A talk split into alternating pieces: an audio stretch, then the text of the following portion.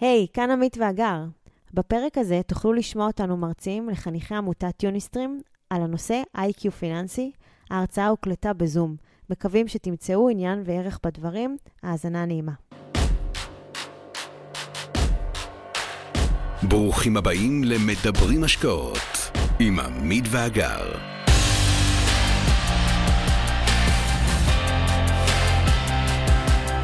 והיום אנחנו נדבר איתכם על איי-קיו פיננסי אה, ואיך זה מתחבר אה, ליוניסטרים ול-added value, הערך המוסף שיוניסטרים נותנת לילדים שלכם. אבל לפני הכל אנחנו נציג את עצמנו ומי אנחנו ולמה בכלל באתם, למה אנחנו מדברים בפניכם. אז אני אגר וזה עמית. אהלן. אה, אז אנחנו זוג נורמטיבי אה, שהחליט איפשהו בינואר 2014 להגדיר לעצמו את הנורמות החדשות. אה, הנורמות החדשות זה אומר שאנחנו מחליטים איך אנחנו רוצים לחיות ומה מתאים לנו, ולא ללכת לפי מה שהסביבה הסביר לנו שצריך לעשות. אוקיי, אם הסביבה אמרה שככה צריך לחיות, לאו דווקא התיישרנו עם זה ישר.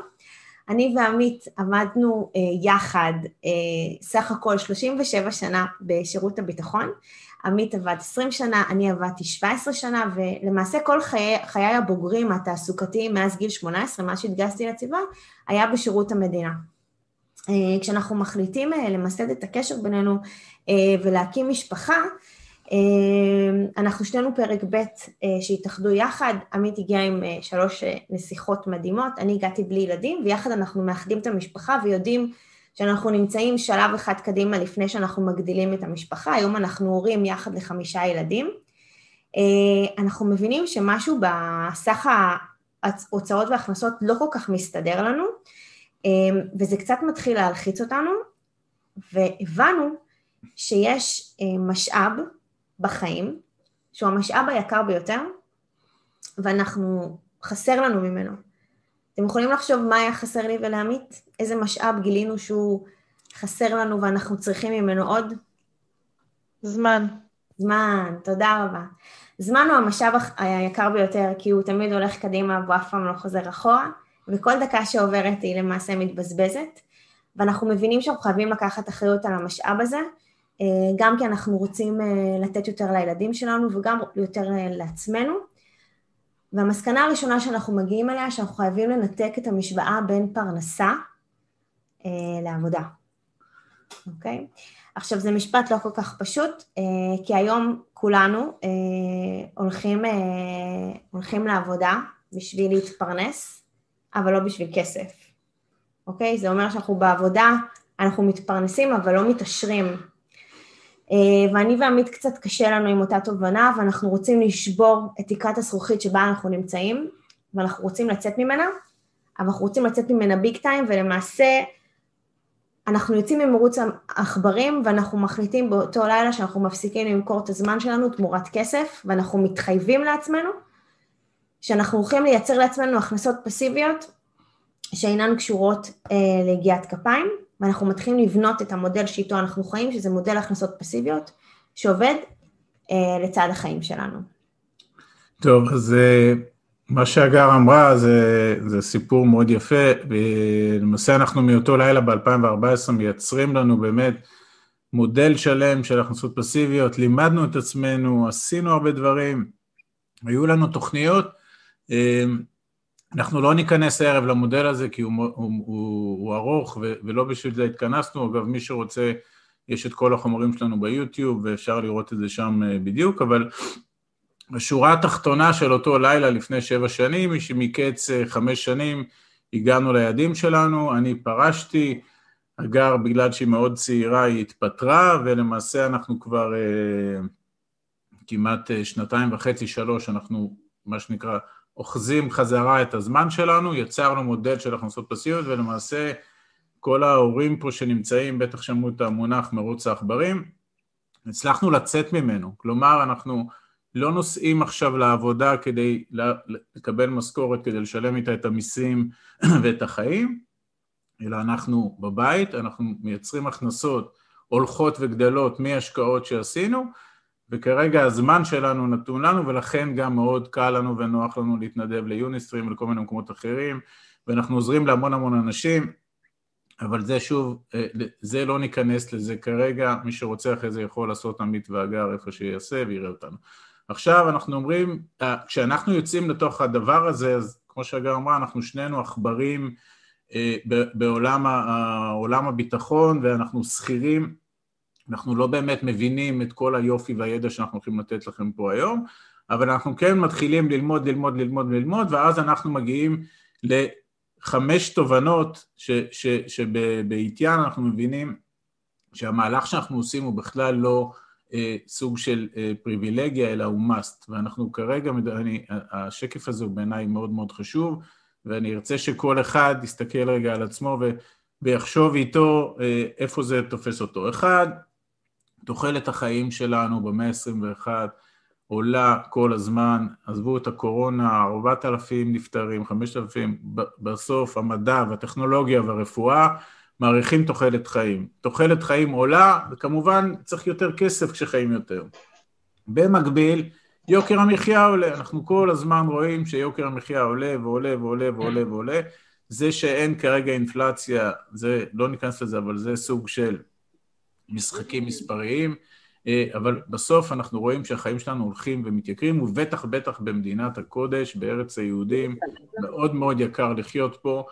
בנוסף, אנחנו הולכים לעולם של היעדר ביטחון תעסוקתי, כלומר, מה שהיה נכון לי ולהגר, ובטח לחלק מההורים פה של מקומות עבודה עם קביעות ועם כאלה שאסור לפטר או קשה לפטר, זה הולך ונעלם לחלוטין.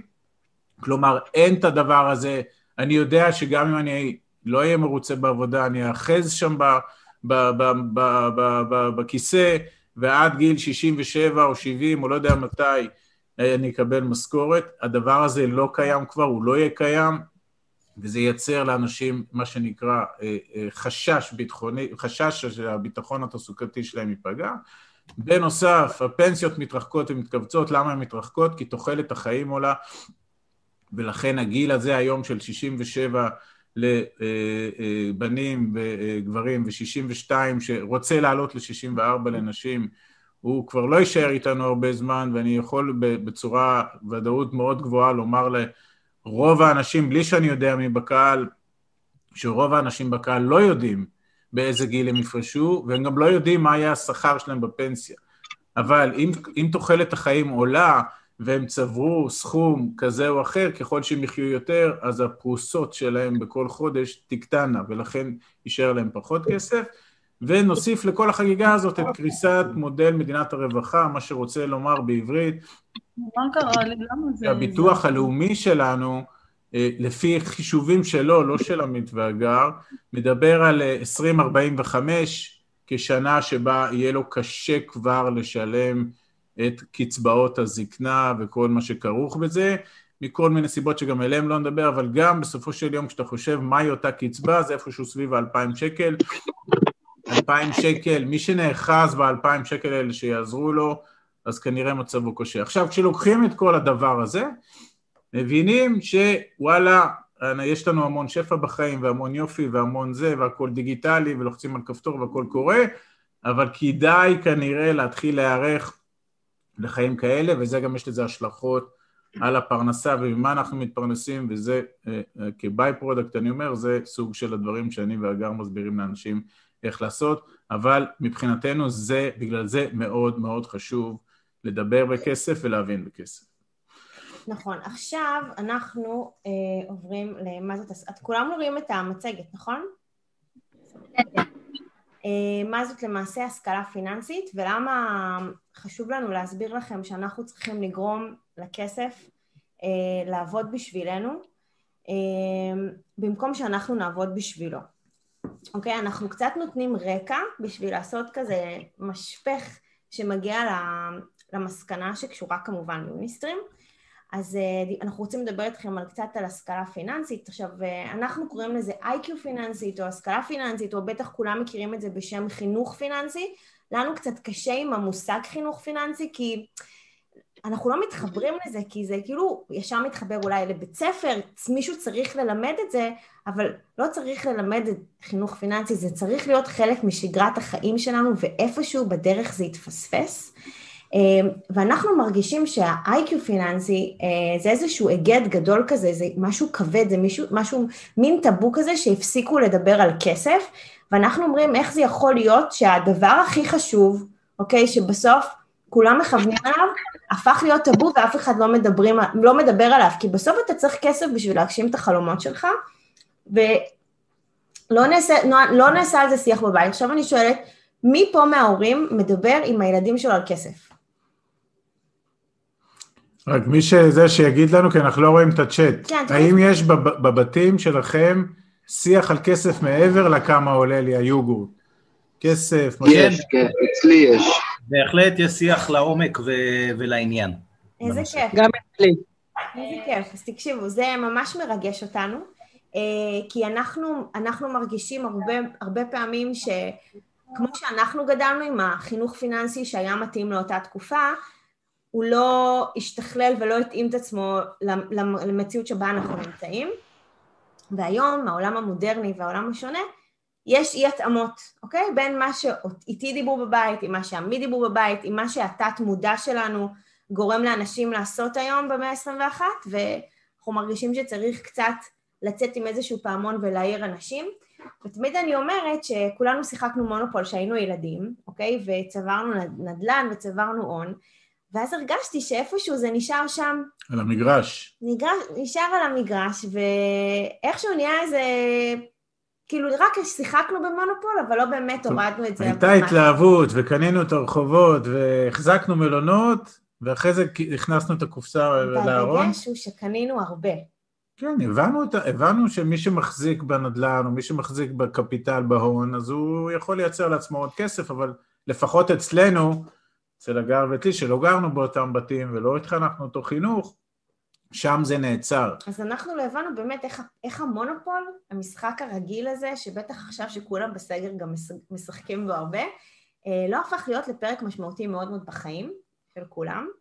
אה, ולנו יש תחושה שיש איזושהי, איזושהי התעלמות, אוקיי? מההבנה והקליטה שהעולם הופך להיות מאוד מהיר, מאוד מאוד מסוכן, אבל גם במלא הזדמנויות, אוקיי? והחוסר של החינוך פיננסי גורם לנו לא להתאים את עצמנו, ולפעמים אנחנו גם מת, מתקשים להעביר לילדים שלנו רקע וידע כי לנו אין, ואנחנו רוצים אה, כן לגרום להם לדעת קצת יותר בכסף, והכי חשוב לנו זה לגרום אה, למשפט, לגרום לכסף לעבוד בשבילנו, אוקיי?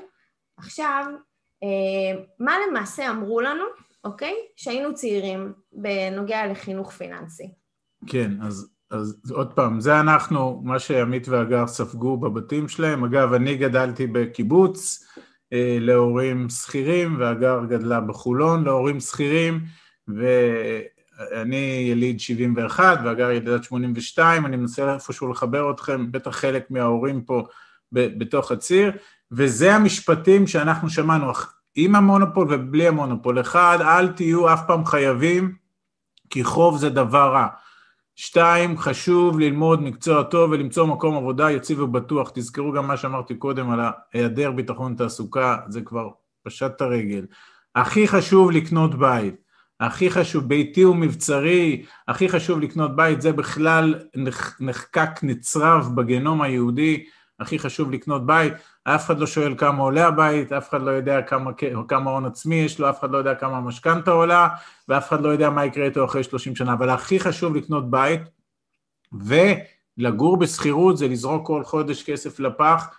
אם יש פה מישהו שלא שמע את המשפטים האלה, אז יש לנו עוד משפטים כן. שעכשיו גם הגר תאמר אותם. אז אומרים, אחרי שנגמור את תשלומי המשכנתה, כבר לא יהיו לנו דאגות כלכליות.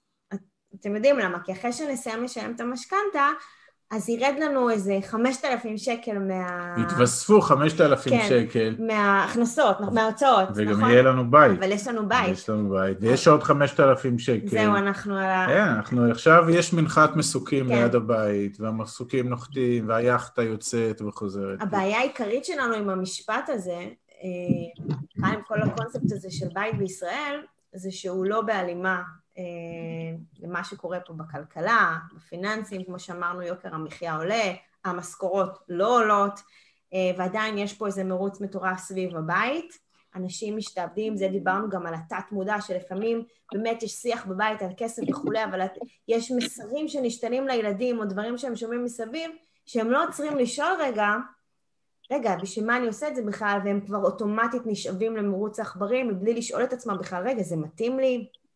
אני יודע כמה עולה לי הכסף? אני מבין מה זה משכנתה? אני יודע מה זה כל המסלולים האלה?